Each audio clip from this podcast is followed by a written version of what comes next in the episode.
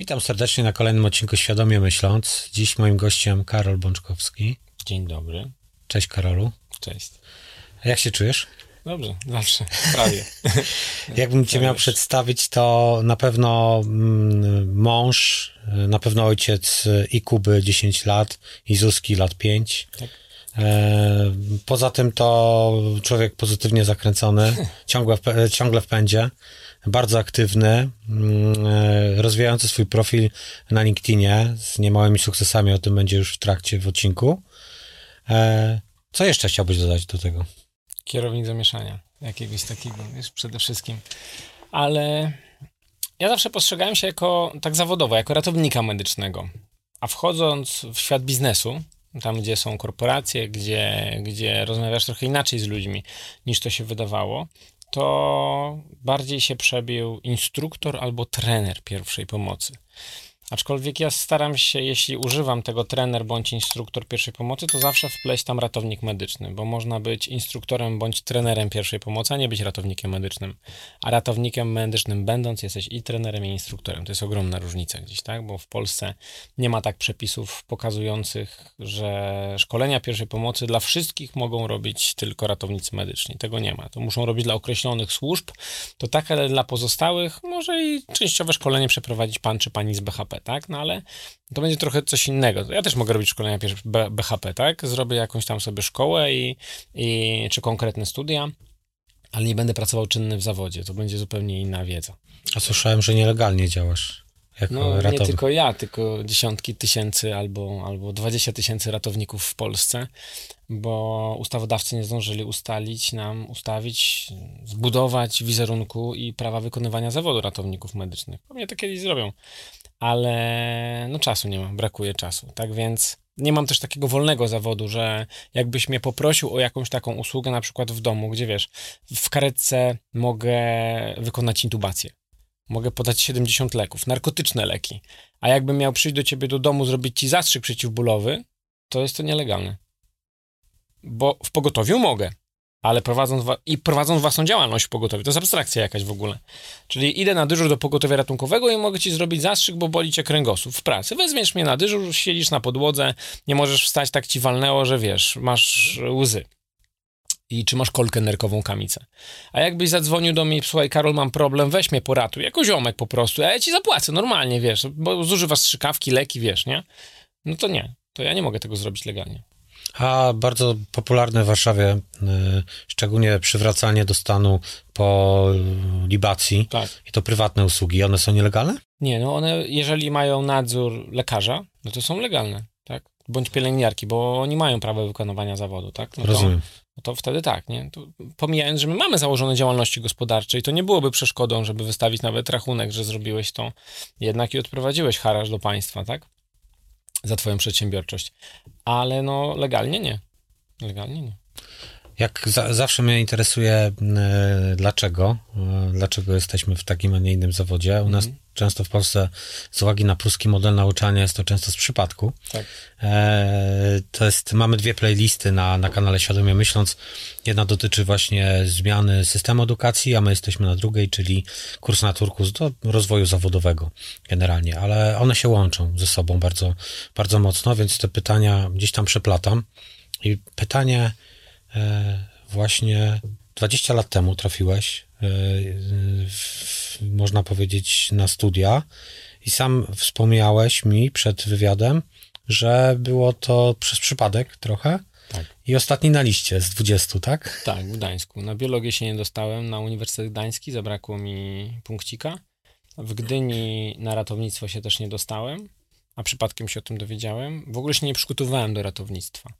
A w Gdańsku byłem tak, ostatni, 20 na liście. Dostałem 20 punktów z, z testu, a żeby się dostać, trzeba było 60 mieć punktów. I było 40 do zdobycia na rozmowie kwalifikacyjnej. Więc idąc na rozmowę kwalifikacyjną, wiedziałem, że albo wezmę maksa z rozmowy kwalifikacyjnej, albo się nie dostanę. No bo każde mniej niż 40 nie zamykało mnie na liście 60 punktów, żeby się dostać. No i dostałem maksa. I chciałbym Ci powiedzieć coś więcej. Najczęściej największy sukces, o tym sukcesie chociażby na LinkedInie opowiemy, osiągają osoby nie właśnie piątkowe, nie szóstkowe, nie te, które się wbijają, ale te oceny w ogóle nie mają znaczenia. To I to jest na, najciekawsze, że często ludzie, dopóki się uczą, nie uświadamiają sobie tego. A potem jest zderzenie z rzeczywistością. Nie wiem, czy, czy jest to kwestia większej przedsiębiorczości tych osób, które gdzieś e, omijają, nie mówię, że omijają system, ale e, idą pod prąd i nie zawsze są posłuszni i, i nie zawsze robią tak, jak im inni mówią. I może to z tego, z tego wynika. Masz jakiś gen przedsiębiorczości? Wiesz co? Mm, mój tata całe życie i moja mama pracowali na etacie.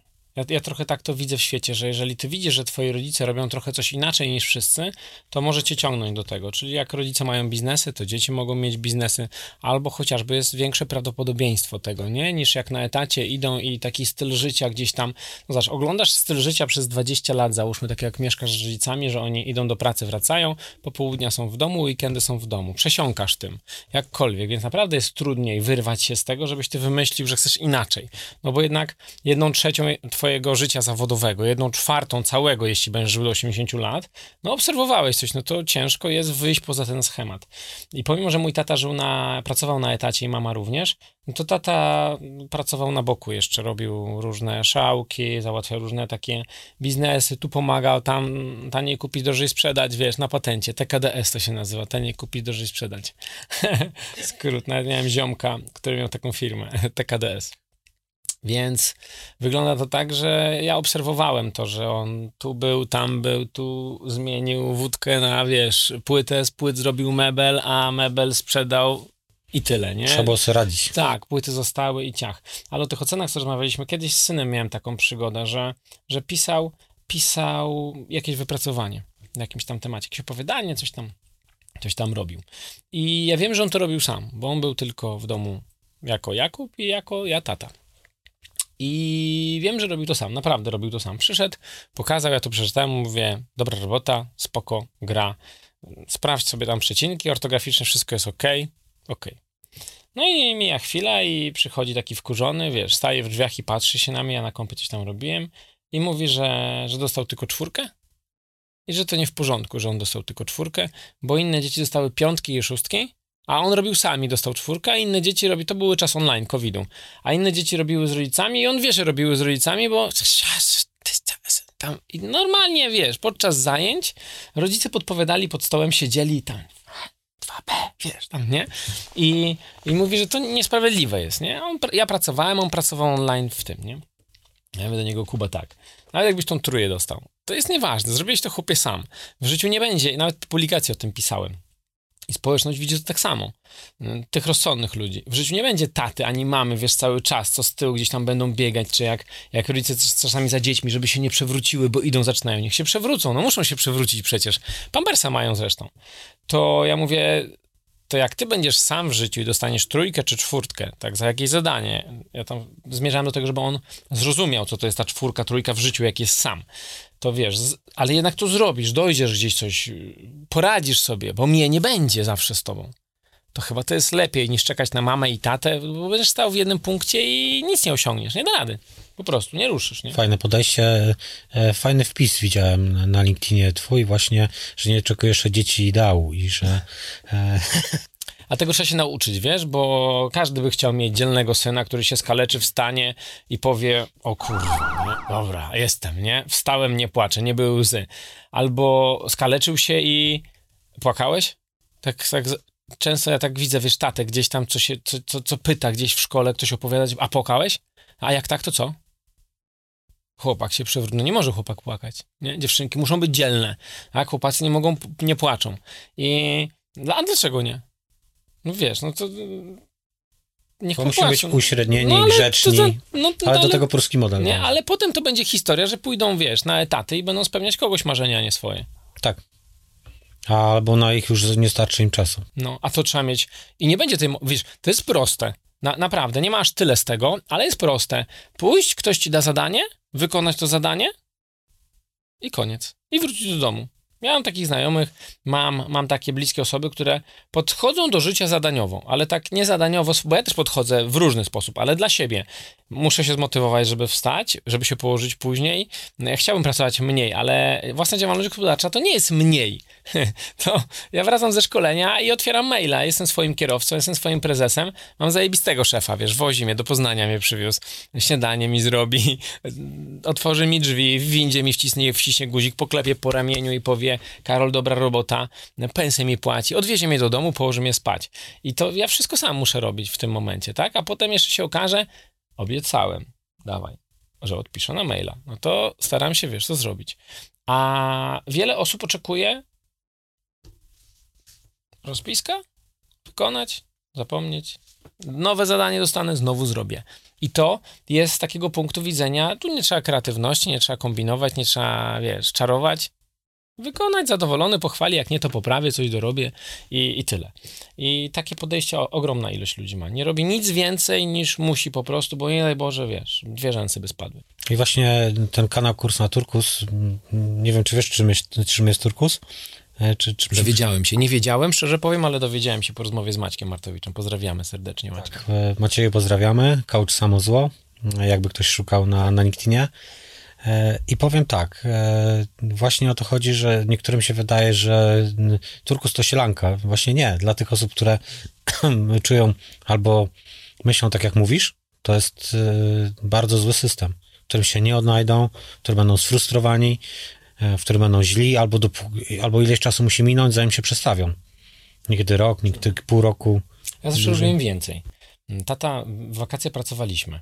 Tata chodził do pracy, dzień wcześniej brał, nie wiem, nas za fraki, brata, mam jeszcze 5 lat starszego brata i 5 lat młodszą siostrę.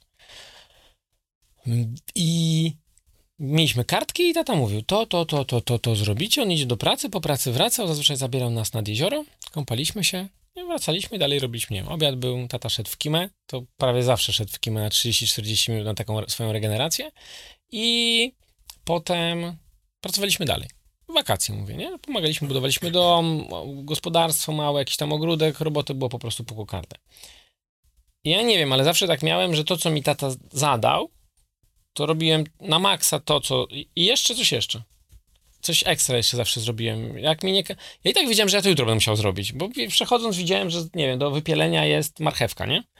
To zrobiłem tą marchewkę, albo kurnik jest do wyczyszczenia. No to wiedziałem, że i tak go jutro wyczyszczę to wyczyściłem ten kurnik, nie? I to nie tylko, żeby tata był ze mnie zadowolony bardziej niż pozostałe części rodzeństwa. A, Karol zrobił coś więcej, a Krzysiu nie, to Karol jest lepszy, Krzysiu jest gorszy.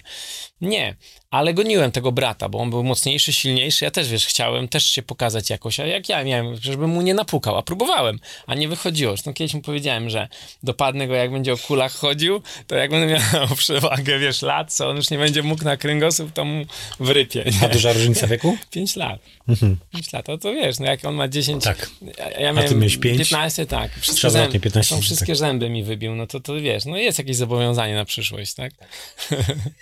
tak, żeby się odwzajemnić tak. jak już na starość, obiecujesz mu? Obiecałem i ja dotrzymuję słowa. Dobra.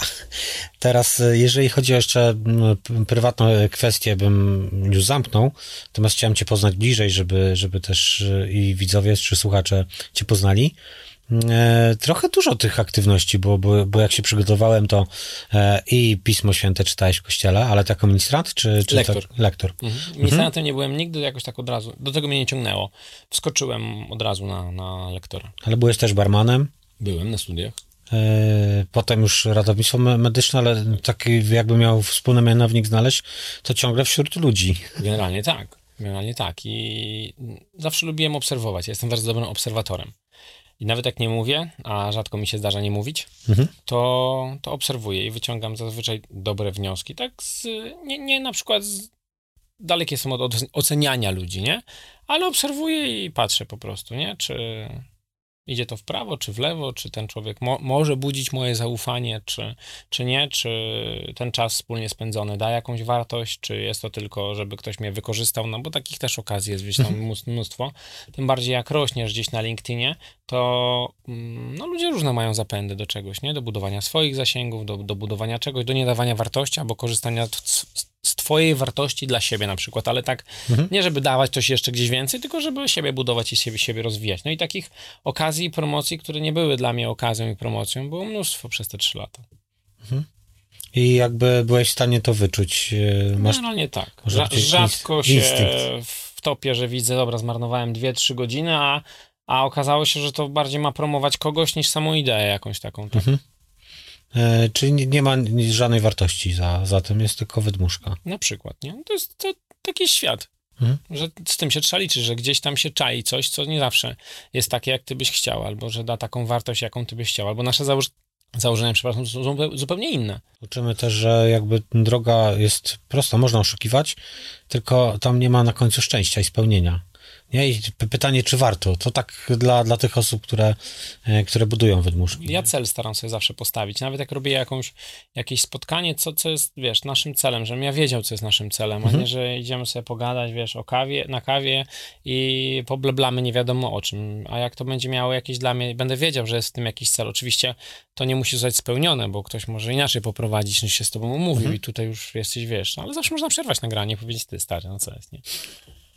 Ale my kontynuujemy. Dobrze. Zobaczymy, czy jest. E, to teraz tak. E, mówisz o tym też, że zawód e, ratownika medycznego umiera w Polsce. Co jest przyczyną? Wiesz co? Hmm, przyczyną jest ciężka praca. Praca zmianowa. Przyczyną są również korporacje, w których widać, że pracuje się inaczej. Też ciężko ale gdzie może nie we wszystkich, bo ja wiem, że nie ma takich cudownych miejsc wszędzie, bo to jest jednak ludzie idą tam do pracy. Mają cele, mają godziny do mhm. wykonania, z tyłu głowy gonią ich projekty, ktoś wiesz, jednak tam tupie nogą, chcemy jednak dowieść jakiś projekt, no bo to jest dla ciebie dalej, twoja praca, taki rozwój być może. Ale mm, ratownicy mają żony i mają mężów. I oni te, te drugie połówki przychodzą z innego miejsca i opowiadają, jak jest w innych miejscach. Jeżeli my nadal jesteśmy w ratownictwie z traktowaniem człowieka w średniowieczu, no to ci ludzie, nawet jak są pełni pasji, to powiedzą, ale jak, ty masz wodę w pracy? Z tobą rozmawia psycholog? Ty masz pokój, w którym możesz się wyciszyć? Ty masz z kimś pogadać i on nie powie, że ty jesteś do dupy? Albo jak powiesz, że wiesz, że masz ciężko, to, to w ratownictwie ci powiedzą, wiesz, to nie jest praca dla każdego. Nie dałeś rady.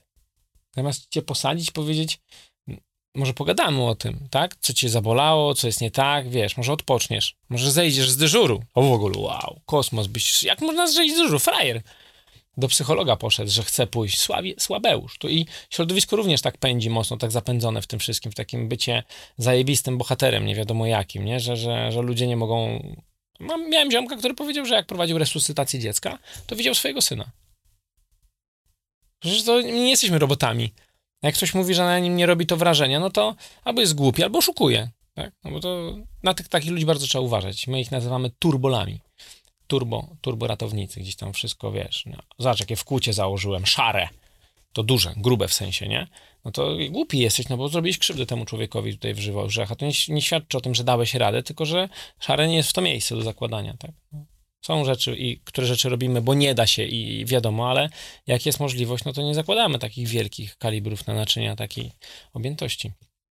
Także własne działalności gospodarcze, brak opieki psychologicznej, gonienie za tym urlopem, którego nie masz, jak nie pracujesz, no i to mnóstwo rzeczy takich gdzieś tam jest. No i dyrektorzy, którzy nadal rządzą, a nie zarządzają. Niekompetentni totalnie ludzie gdzieś tam, którzy nie są z branży zarządzania, biznesu, mm, ekonomii, tylko są medykami. Czyli bursztyn. Generalnie właśnie scharakteryzowałeś e, bursztyn, e, pracujesz w bursztynie. Eee... Równie, bym powiedział. To myślę, że jest prawdziwe. Jak masz biegunkę, to też jest bursztynowa.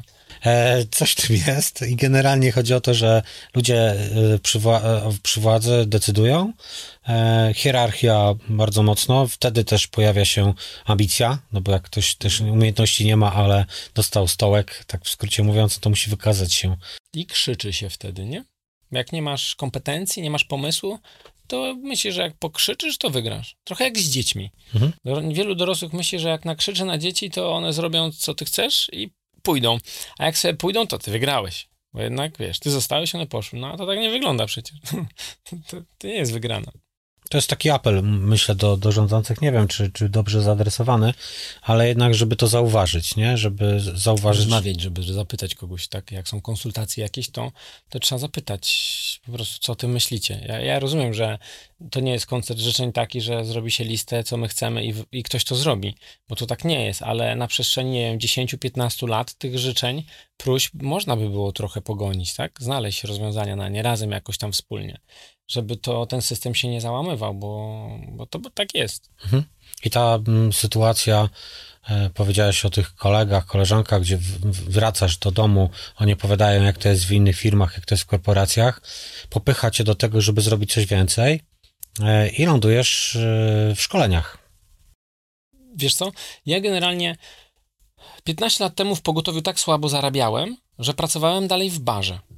I połowę swojego czasu poświęcałem na pogotowie, tak kilka miesięcy było, a połowę na bar, bo godzinówka z baru plus napiwki dawały mi lepsze pieniądze niż po studiach w ratownictwie medycznym.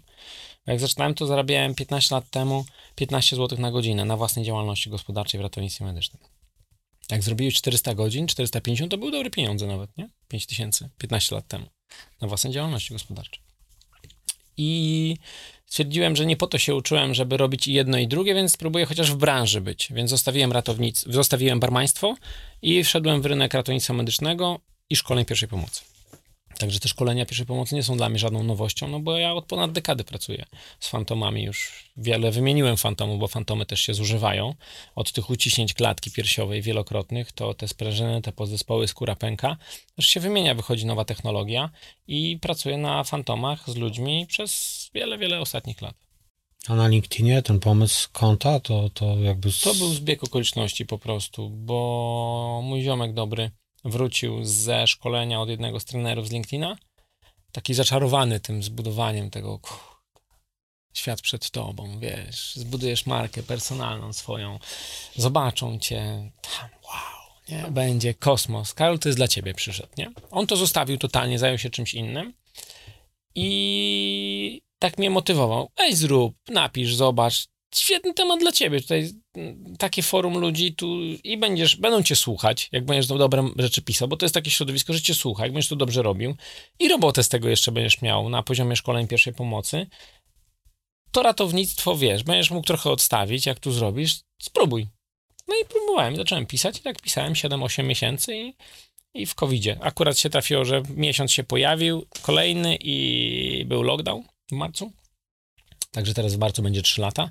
Najbliższy marcu 2023. No i pisałem.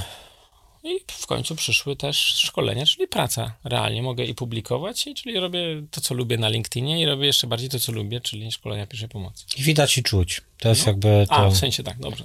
E, czuć, czuć pisami, czuć emocjami, które, które robisz. E, naprawdę świetną robotę wykonujesz.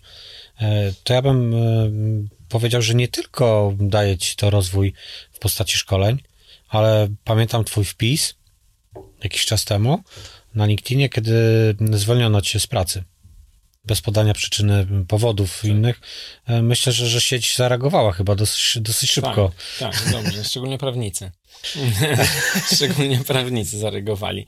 To w ogóle jak my jesteśmy na kontraktach, to ciężko powiedzieć o zwolnieniem, no ale jak wygrywasz kontrakt, konkurs, bo co roku to mamy. To też jest taka ogromna presja na ratownikach medycznych, gdzie w większej części kraju ty dostajesz umowę na rok.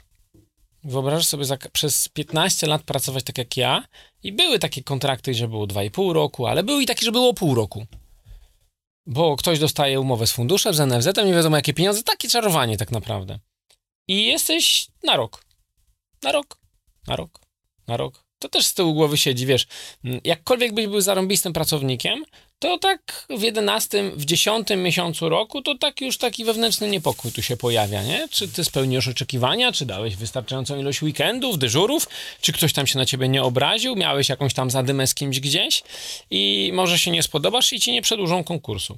Ja wygrałem konkurs, tak jak poprzednich kilkanaście przez 14 ostatnich lat i była grupka ratowników, którzy wygrali, którzy nie przeszli konkursu, bo nie spełnili wymagań formalnych. Ja byłem w tej grupce ratowników, którzy spełnili wymagania formalne, jak przez wszystkie pozostałe lata. I z prawie wszystkimi podpisali umowę, a ze mną nie. Czyli ja byłem tym nie prawie wszystkim. Także nawet nie można powiedzieć, że mnie zwolnili, bo mi wygasł kon kontrakt, następny konkurs wygrałem, a bez podania tak naprawdę przyczyny na poziomie czujecie, wiecie, rozumiecie, nie lubimy cię. Mhm. Ja wiem przez co, bo się odzywałem, bo walczyłem o ludzi, bo walczyłem psychologa w pogotowiu, który i tak nie jest używany, bo, bo ludzie nie mają odwagi, żeby pójść po niego. Bo walczyłem o podwyżki, bo byłem w związkach zawodowych, bo publikowałem na LinkedInie, pokazywałem, pisałem, jaka jest ochrona zdrowia, mhm. jak karetki stoją w covid pod, pod szpitalem i też czekamy z pacjentami, nie możemy wejść, bo, bo system ochrony zdrowia jest niewydolny i nie jest, wiesz, rozwiązaniem zrobić load and go i zawieźć wszystkich do szpitala na boom, bo tak się przenosi, to jest najprostszy sposób, żeby zabić ludzi na zdarzeniu masowym zabić ludzi. Jak nie zginęli w autobusie, wiesz, tam, że się rozbili o skarpę, to zawieź ich wszystkich do jednego szpitala, to zginą tam.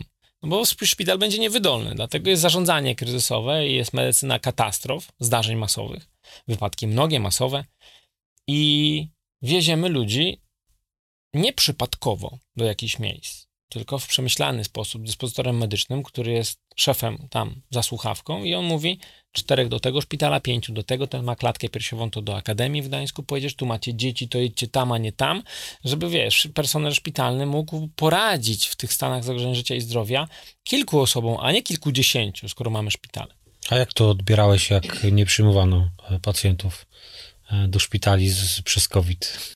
Wiesz co, no zły byłem, nie? Raz, że ja muszę siedzieć w kombinezonie wiele godzin więcej niż powinienem, bo to oni mieli covid tak? Czy podejrzenie covid. Powinni mieć miejsce tutaj, w szpitalu. Oni się męczą. Następne wyjazdy są opóźnione, bo karetka jest zajęta, jeszcze trzeba ją zdezynfekować. No i to wszystko wymieszane takie z frustracją, z bezsilnością i nawet złym, z, złością taką, że ty nie wrócisz do domu na czas. Bo ty już wiesz, że jest 16, masz pacjenta na pokładzie, zanim tutaj się wyrobisz, to do 19 powodzenia. Czy taki zawód dosyć ciężki, nieprzewidywalny. No, szczególnie tak, szczególnie w tych godzinach, jak jeszcze to będzie wieczór, gdzie później się po, po prostu położysz spać, nikt na ciebie nie czeka, no to jeszcze jesteś w stanie jakoś to przegryźć. Mhm. Ale jak jest to ranek, gdzie trzeba dzieci zawieźć do szkoły, do przedszkola, albo pojechać do drugiej pracy, czy to rano, czy wieczorem, bo tak wygląda praca w ratownictwie medycznym, że ludzie pracują w trzech, czterech miejscach, dwóch, trzech, czterech. Łączą szpitale z pogotowiem, z formozą, z gromem, z policją, ze strażą pożarną. W przeróżnych miejscach potrzeba jest ratowników medycznych. W samej straży pożarnej ponad 900 ratowników pracuje medycznych zawodowo, że mają, wiesz, etat ratownika strażaka i ratowniki są ratownikami medycznymi. No to, kurde, ciężko się pracuje i pod dużą presją, jak nie wiesz, że ty z roboty wyjdziesz o godzinie takiej, jakiej się umówisz. I to nie, że mamy projekt w tym tygodniu, mogę być później, tak, kochanie? Bo wiesz, to, ale to zrobimy ten projekt i będzie grało, nie? Tylko zawsze. Codziennie może coś się wydarzyć. Tak, nie? Albo pojawi się telefon, czy przyjdziesz na dyżur. No ile ludzi ma tak, tak w życiu, że czy przyjdziesz do roboty 8 razy w miesiącu? Czy czyta, wiesz, na forum jakimś, potrzebuje dyżur, pomóżcie, nie wiem, żona rodzi, tam mam biegunkę. A masz jakieś poczucie już takiego spełnienia, e, właśnie, że jednak robisz też zajebistą robotę, e, bo w, uważam, że w ogóle ten zawód jest niedoceniany w Polsce. E, a jednak e, może nie każdy to, to robi. Nie wiem, czy ty w pracy, ale jeżeli robisz, mhm. to nie masz tego poczucia, chociażby to cię nie motywuje, to ci nie dodaje energii, nawet po takim złym dyżurze? Wiesz co, przychodzi taki moment, że oswajasz się z tym bardzo mocno. I jak, jak tak, bynajmniej ja, bo to też nauczyłem się, że kiedyś jak udzieliłem jakiegoś wywiadu, to środowisko ratownicze się oburzyło, co o nas mówisz, mów o sobie i tak dalej, więc mówię o sobie. Proszę bardzo. A to tak, bursztyn, to jest charakterystyczne dla bursztynu. dla wszystkich, to się okazuje, że nie. Wielu ratowników chce, żeby jak było. Niech będzie, pracujemy na takich kontraktach, jak pracujemy, bo nie daj Boże wprowadzą, wiesz, prawo pracy, będziemy mhm. tylko mogli na etacie i będzie kłopot. I ja dość, dość mocno się do tego przyzwyczaiłem. I oczywiście to niesie ogromną satysfakcję, jak resuscytacja się powiedzie, jak, jak zrobisz, wiesz, fantastyczną robotę na poziomie tamowania krwawienia i to przyniesie efekt. Jak dowiedziesz tego pacjenta z obrzękiem płód, który ci się dusi, on nie zatrzymać się krążeniowo, bo nie zawsze da się cofnąć ten stan, tylko dowieść pacjenta po prostu w lepszym stanie niż był, albo chociaż w takim, jakim takim jest, a nie w gorszym, prawda? I na początku to jest, wiesz, takie, że wow, czyli na tych sygnałach jadę, jest adrenalina, potem jedziemy na sygnałach i się zastanawiam, czy zdążę zjeść jabłko tak? No bo oswajasz się z tym. Ale tak samo mnie boli, jak stracę pacjenta, czy jak nie dam rady gdzieś czegoś zrobić, nie, bo jestem do dupy, tylko nie dałem rady, po prostu przegrałem z czasem, bo go upłynęło więcej niż mniej. A jak się pojawi sukces, to daje to satysfakcję, ale czy jestem spełniony? Myślę, że jeszcze nie. Myślę, że jeszcze sporo rzeczy gdzieś tam wisi nade mną, które chciałbym zrobić i, i chyba dobrze, bo to dalej mm, pędzi i dalej kręci, żeby jednak to koło, ta maszyna robiła dalej i więcej, a nie usiadła na fotelu i powiedziała teraz to jest emerytura ratownicza. Życzę Ci, będę trzymał kciuki, bo tak jak my podjęliśmy się próby e, lobowania zmiany systemu edukacji z pruskiego na, na bardziej ludzki, e, ktoś by powiedział, przecież to jest bez sensu, jak, po co się angażować? Ja mówię, e, chcemy też coś po sobie zostawić, chcemy coś więcej niż tylko chodzić do pracy, mhm. tylko chcemy zrobić coś dla przypokoleń. Zresztą mieliśmy też problem w rekrutacji Dlatego, że większość ludzi myśli tak, jak mówisz e, na samym początku i oczekuje e, tego, że dostanie wyłożone, co będzie robiło, jak, kiedy będzie robiło, w jakiej kolejności, a tu nie ma nic. Przychodzisz i musisz sobie pracę znaleźć, nie? No to jak... Mam ziomka właśnie, który prowadzi rekrutację nawet dwa lata, szukając pracownika na jakieś miejsce u siebie w firmie, bo, bo jak robi rekrutację, to ludzie od niego nie odchodzą, ale jak dobrze ich znajdzie jak znajdzie odpowiednią osobę. Piotra, I to jest najtrudniejsze. Piotra Ostromęckiego, pozdrawiam z BFI z Gdyni.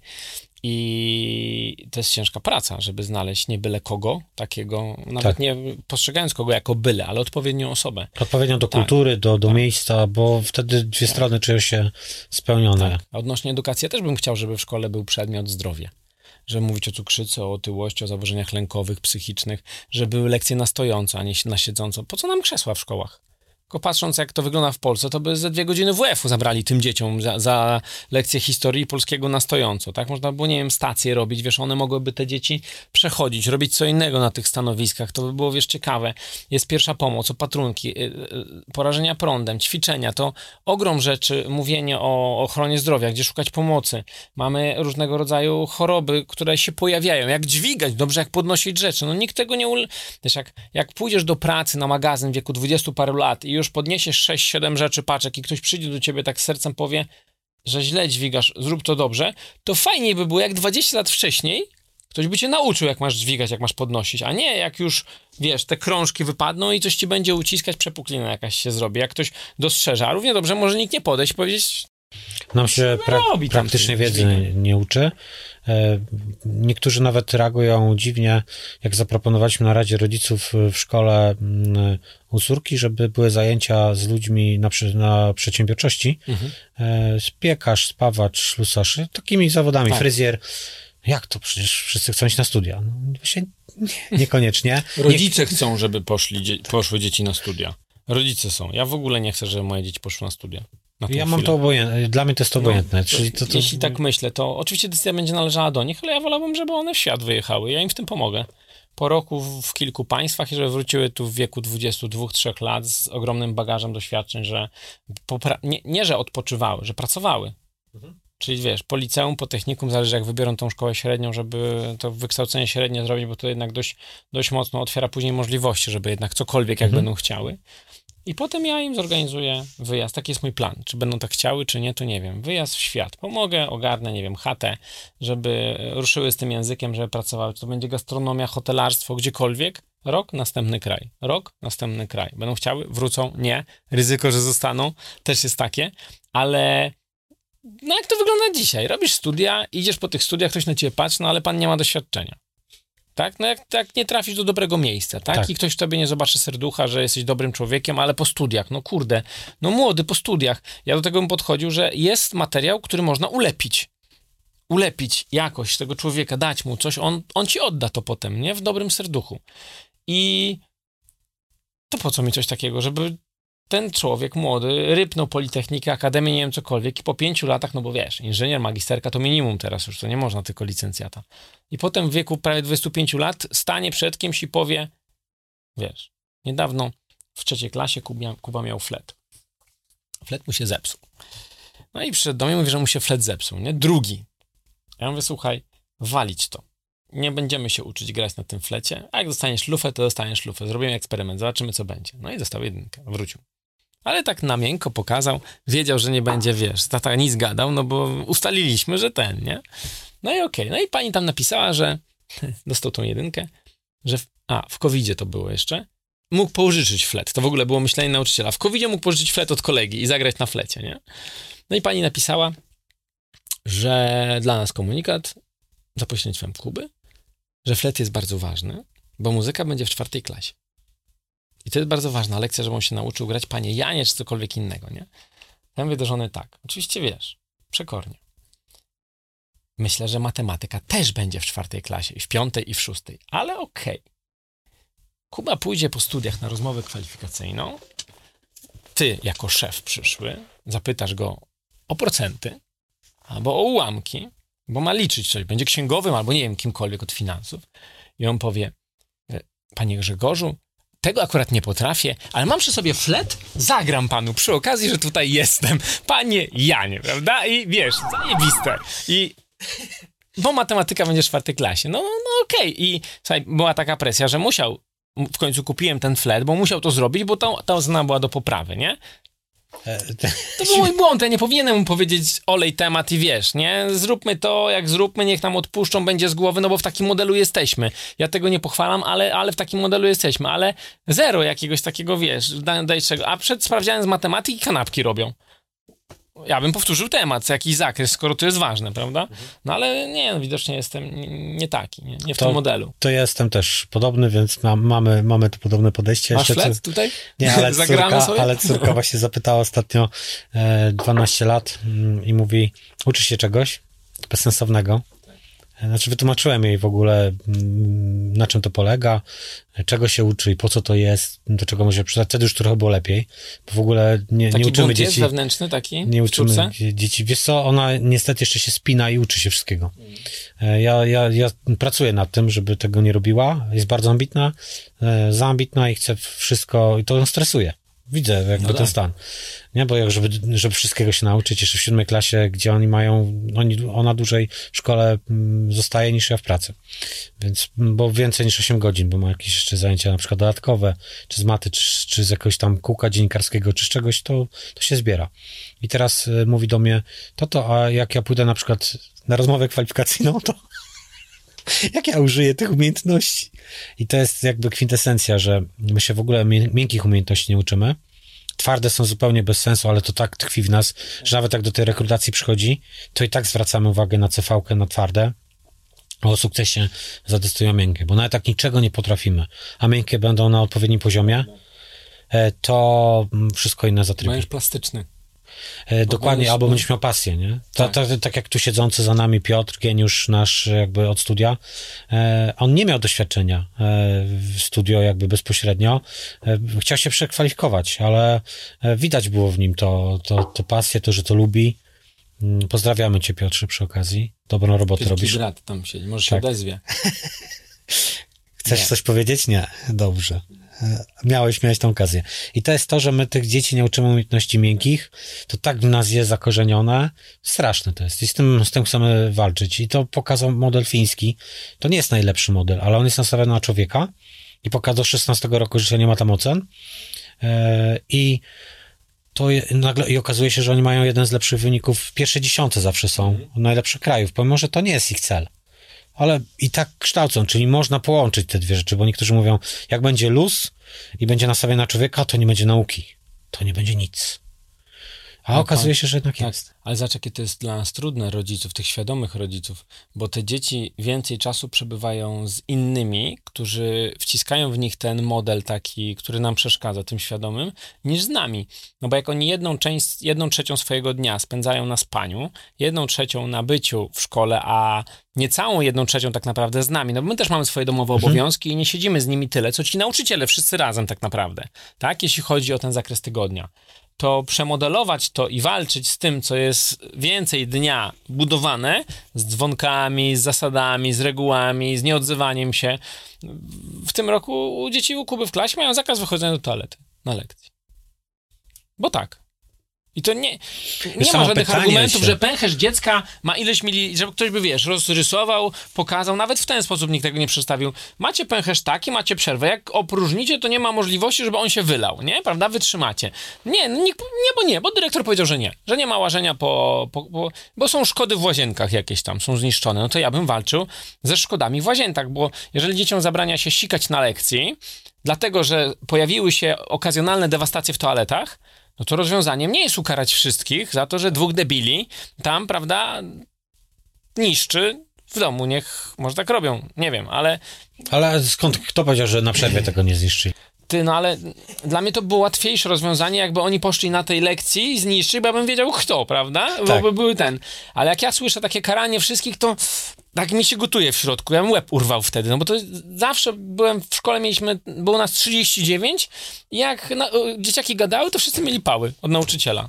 Taka bezradność, wiesz, tego nauczyciela, jak z klasówki przychodzi 37 jedynek i dwie piątki, to nie świadczy, że klasa to są debile. Tylko, że z nauczycielem coś jest nie tak że on stoi plecami do nas, przodem do tablicy, napisze, nie wytłumaczy, a że jest dwóch geniuszy w klasie, którzy ogarniają albo mają to w dupie, co on tłumaczy i tak skumają to, bo sobie przeczytają, ale 30, 39 osób mieliśmy w klasie w liceum. E, to powiem więcej. Matematyk w, w liceum, mam taki przykład zna, e, chrześniaka w liceum, e, średnia z maty chyba 1,70 czy 1,83, średnia całej klasy, gdzie matematyk nie zna rozkładu normalnego i do czego on służy i po co on jest, więc jakby powinien to, to wiedzieć, ale ilość zadań, które e, oni dostają, to nie kwestia, że nie umieją, tylko ilość zadań, które dostają w określonym czasie, który muszą się wyrobić, jest zupełnie nie do zrobienia, bo mniej więcej akurat matematyka to była ta moja pasja w życiu. I jak zobaczyłem to, to co on ma, to, to science fiction. Ja to mówię, w tak krótkim czasie to jest nawet ten stres i to wszystko, e, co, co wywołuje tego dziecka, to jest po to, żeby udowodnić mu, że jest debilem, że się nadaje do Biedronki. No. Poprzedni nauczyciel z maty, który wyleciał, e, to im wmawiał, że się nadają do, do Biedronki Super. ewentualnie na kasę. To jest zajebista motywacja na sam, na sam start.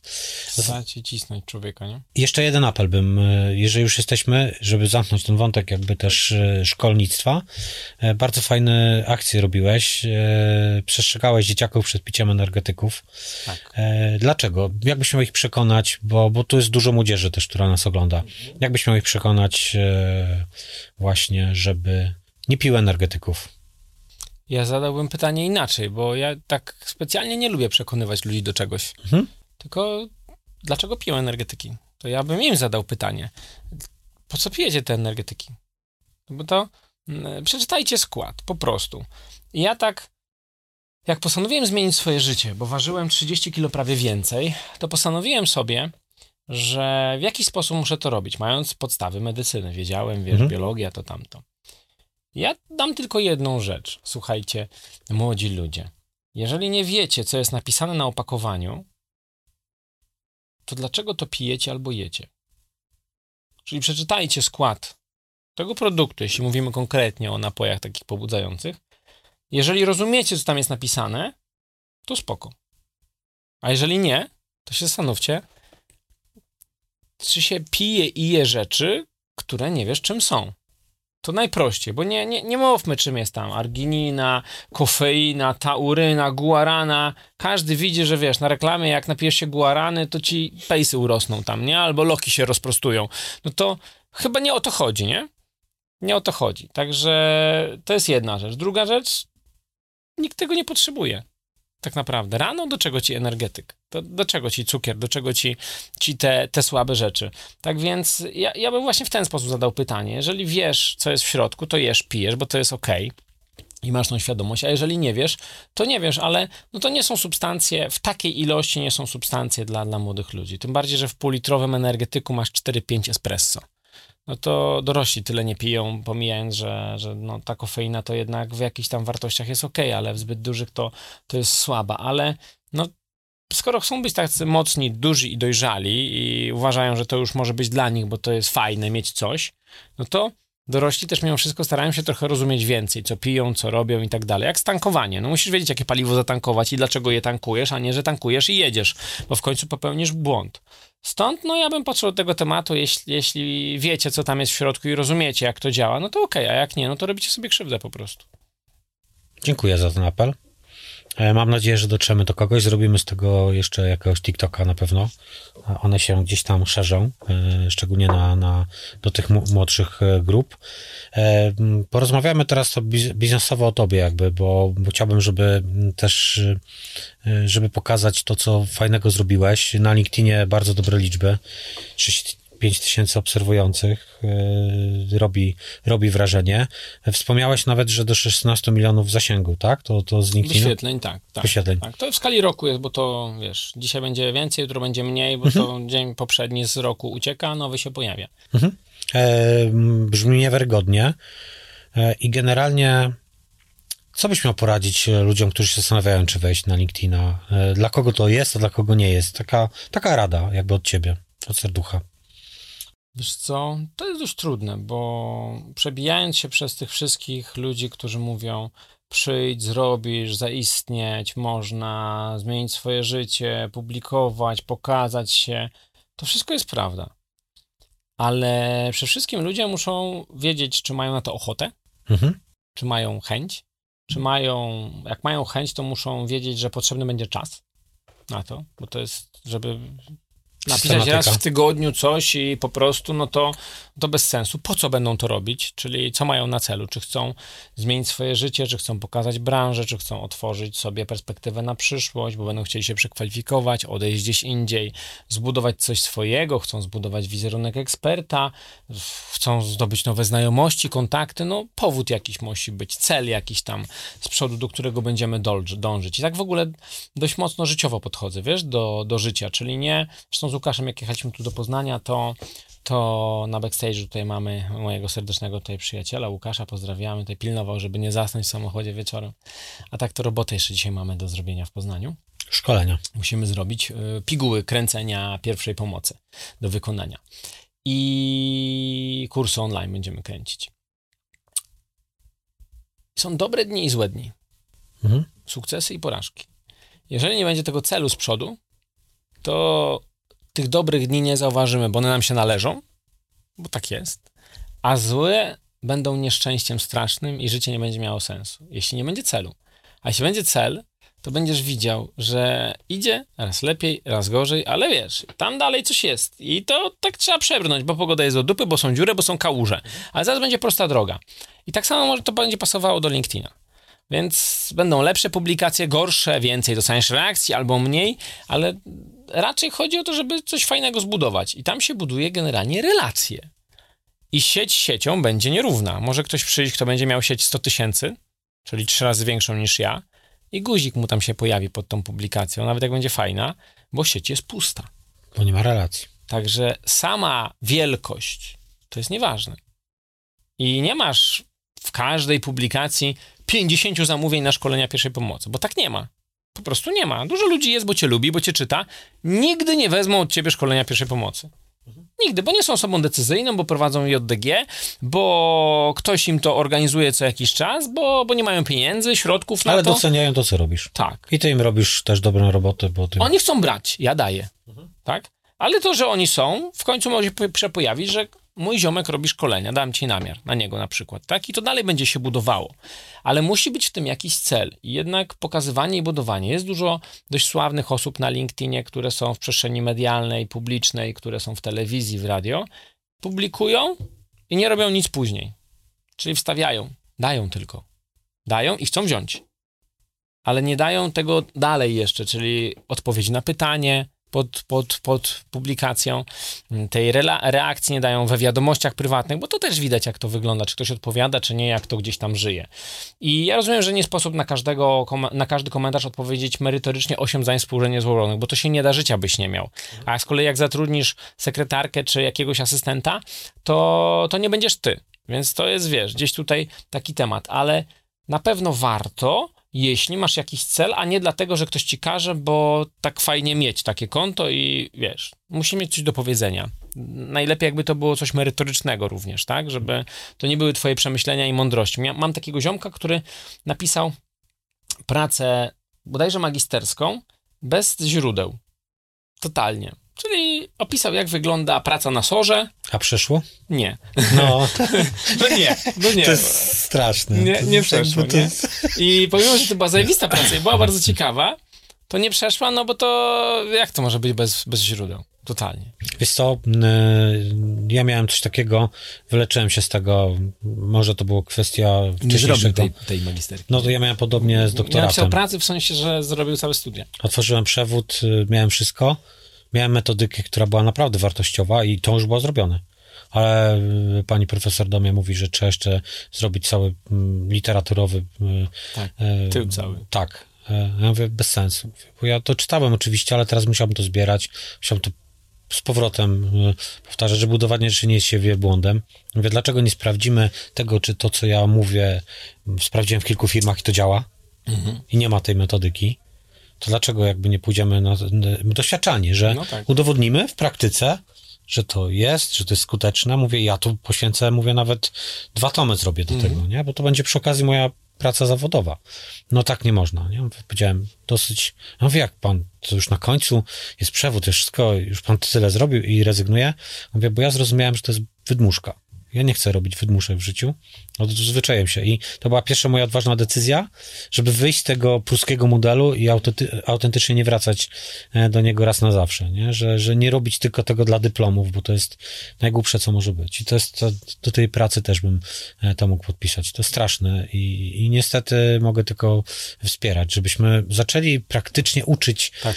i żebyśmy to doceniali, że ktoś y, wydał tyle energii, żeby Odwalił taką robotę. taką robotę i nikt nawet tego nie chce przeanalizować, bo musiałby być kompetentny, żeby to e, To przeanalizować. będzie miało wartość, jak będzie z tyłu wypisane trochę źródeł. Tak, Tak, tak jest? To które nie, często to są jest, z dupy. To nieprawda totalnie.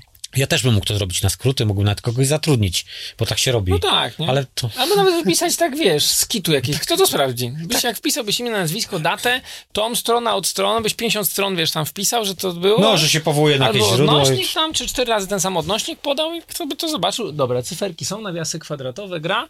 Okej, jest, przechodzi. Tak, ale to, to jest właśnie... Ja miałem takiego, miałem takiego na swojej drodze, takiego specjalistę, który właśnie jedną z moich prac była licencjacka i magisterska.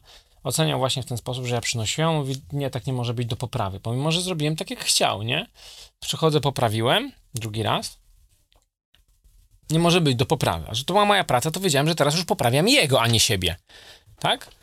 Nakreślił tam nie wiadomo co, no to ja to wszystko, co on nakreślił do śmietnika, print w domu, za dwa tygodnie przyniosłem, wszystko to samo położyłem, tak jak było w wersji pierwotnej i mówi, teraz to jest dobrze. No okej. Specjali- specjalista, no to ma pan doktor, profesor, jak tam pan chciał. Nie? Tak, do, do, potrafiłeś ominąć e, system w tym przypadku. I było dobrze. Tak. Piątka, obrona, super.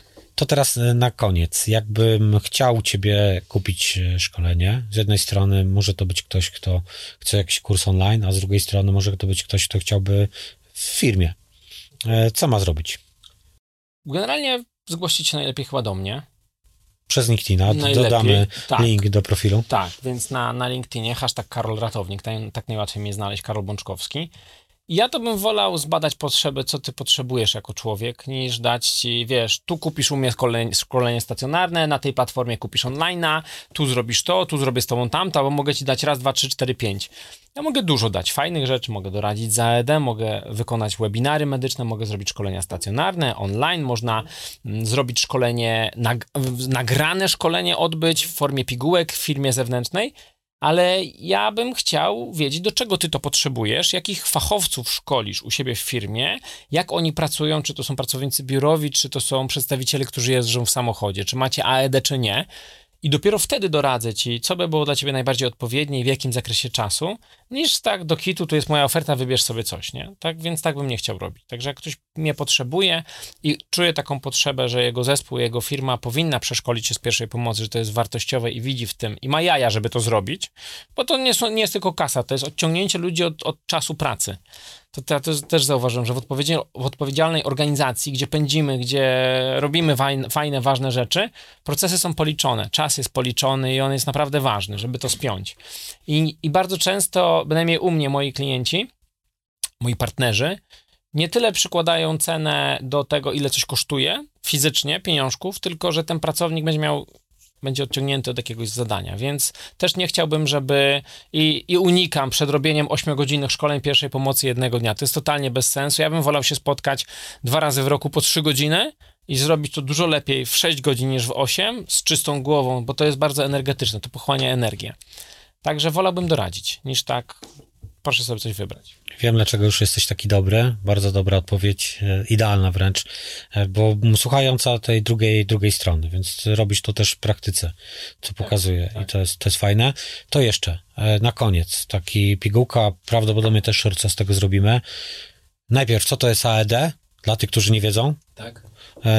A druga, drugie pytanie moje, jak znaleźć najbliższy, bo wiem, że można. Dobrze to tak. Defibrylator jest to urządzenie, które ratuje życie po, poprzez komendy głosowe i dostarczenie najczęściej prądu do klatki piersiowej. Czyli jest guzik, który trzeba uruchomić, jest sytuacja, w której następuje nagłe zatrzymanie krążenia, bo dla tej grupy pacjentów to jest urządzenie, czyli dla pacjentów nieoddychających. Oczywiście ono może się znaleźć przy ludziach przytomnych bądź nieprzytomnych oddychających, ale nie będzie użyte. Urządzenie trzeba nakleić na nagą klatkę piersiową, więc u pani u panów trzeba tą klatkę całkowicie odkryć, rozciąć. W urządzeniu najczęściej jest taka mini apteczka, gdzie są nożyczki, rękawiczki, polsilver do ogolenia klatki piersiowej. Jakby dość dużo było owłosienia, więcej niż na takiej męskiej ręce, to wtedy ta elektroda jako placek musi się przykleić. Tu raczej jest mniej włosów, tutaj jest więcej. I wciskając po prostu guzik, to urządzenie nas prowadzi w sytuacji, gdzie masz nieprzytomny, rozpoczynasz uciski klatki piersiowej, dostarczasz urządzenie, wciskasz guzik, i komendy głosowe, taki Karol Hołoszczyc w środku, tak? Karol Czubówna, Karol Ratownik, Karol, jakiś tam Karol Pudzianowski Ratownik, tak? Mówi ci, co masz zrobić krok po kroku, czyli by wezwać pomoc, by uciskać klatkę, przepraszam, by robić wiele różnych rzeczy, a może i wykonać defibrylację, czyli wcisnąć guzik, bądź wysłuchać, że jest urządzenie automatyczne, co jest bardziej popularne w USA, bo tam są defibrylatory w pełni automatyczne, że one same dostarczają wyładowanie, czyli mówią, uwaga, będzie defibrylacja. No i przeżywalność z takich badań naukowych, czyli mm, jeśli bym ratował kogoś samymi uciskami, bądź uciskami i oddechami, co jest dobrowolne i czekał na pomoc, sięga 6-10%, a z użyciem defibrylatora ta przeżywalność no, zaczyna się od 45, 50 do 70%. Czyli bardzo. Fenomenalne. Oczywiście żaden defibrylator nie postawi na nogi człowieka po 5, po 10 minutach, bo idea jest taka, by jak najszybciej on został dostarczony, prawda? Mhm. A najlepiej przed przyjazdem pogotowia ratunkowego, Pogotowie. czyli tam, gdzie my mamy, ale daleko. I nie jest to bardzo skomplikowane, nie należy się tego bać. W ogóle. Wciskasz po prostu guzik. Moje pięcioletnie dziecko potrafi to obsłużyć, to urządzenie. Bez instrukcji wcze wcześniejszej, że wiesz, że ja mu prezentację puszczam z ludzi. często się boimy takich urządzeń, które. Jak czegoś nie znamy, to się boimy generalnie. Mamy strach. A dodatkowo, wiesz, ten strach budują w nas seriale medyczne, paradokumenty, głupoty. Od 15 lat zawodowo łamię klatki piersiowe w pogotowiu i nikt mi nic nie zrobił. Nigdy. To jest naturalna konsekwencja. Oczywiście nie połamałeś klatkę, dobra robota, dobrze ratowałeś. Nie, bo to jest naturalna konsekwencja. To są działania wysokoenergetyczne. Połamana klatka jest przy okazji ucisków klatki piersiowej, a nie dlatego, że jak będziesz łamał, to dobrze będziesz robił. Mhm. Nie o to chodzi. I to jest bardzo ważne.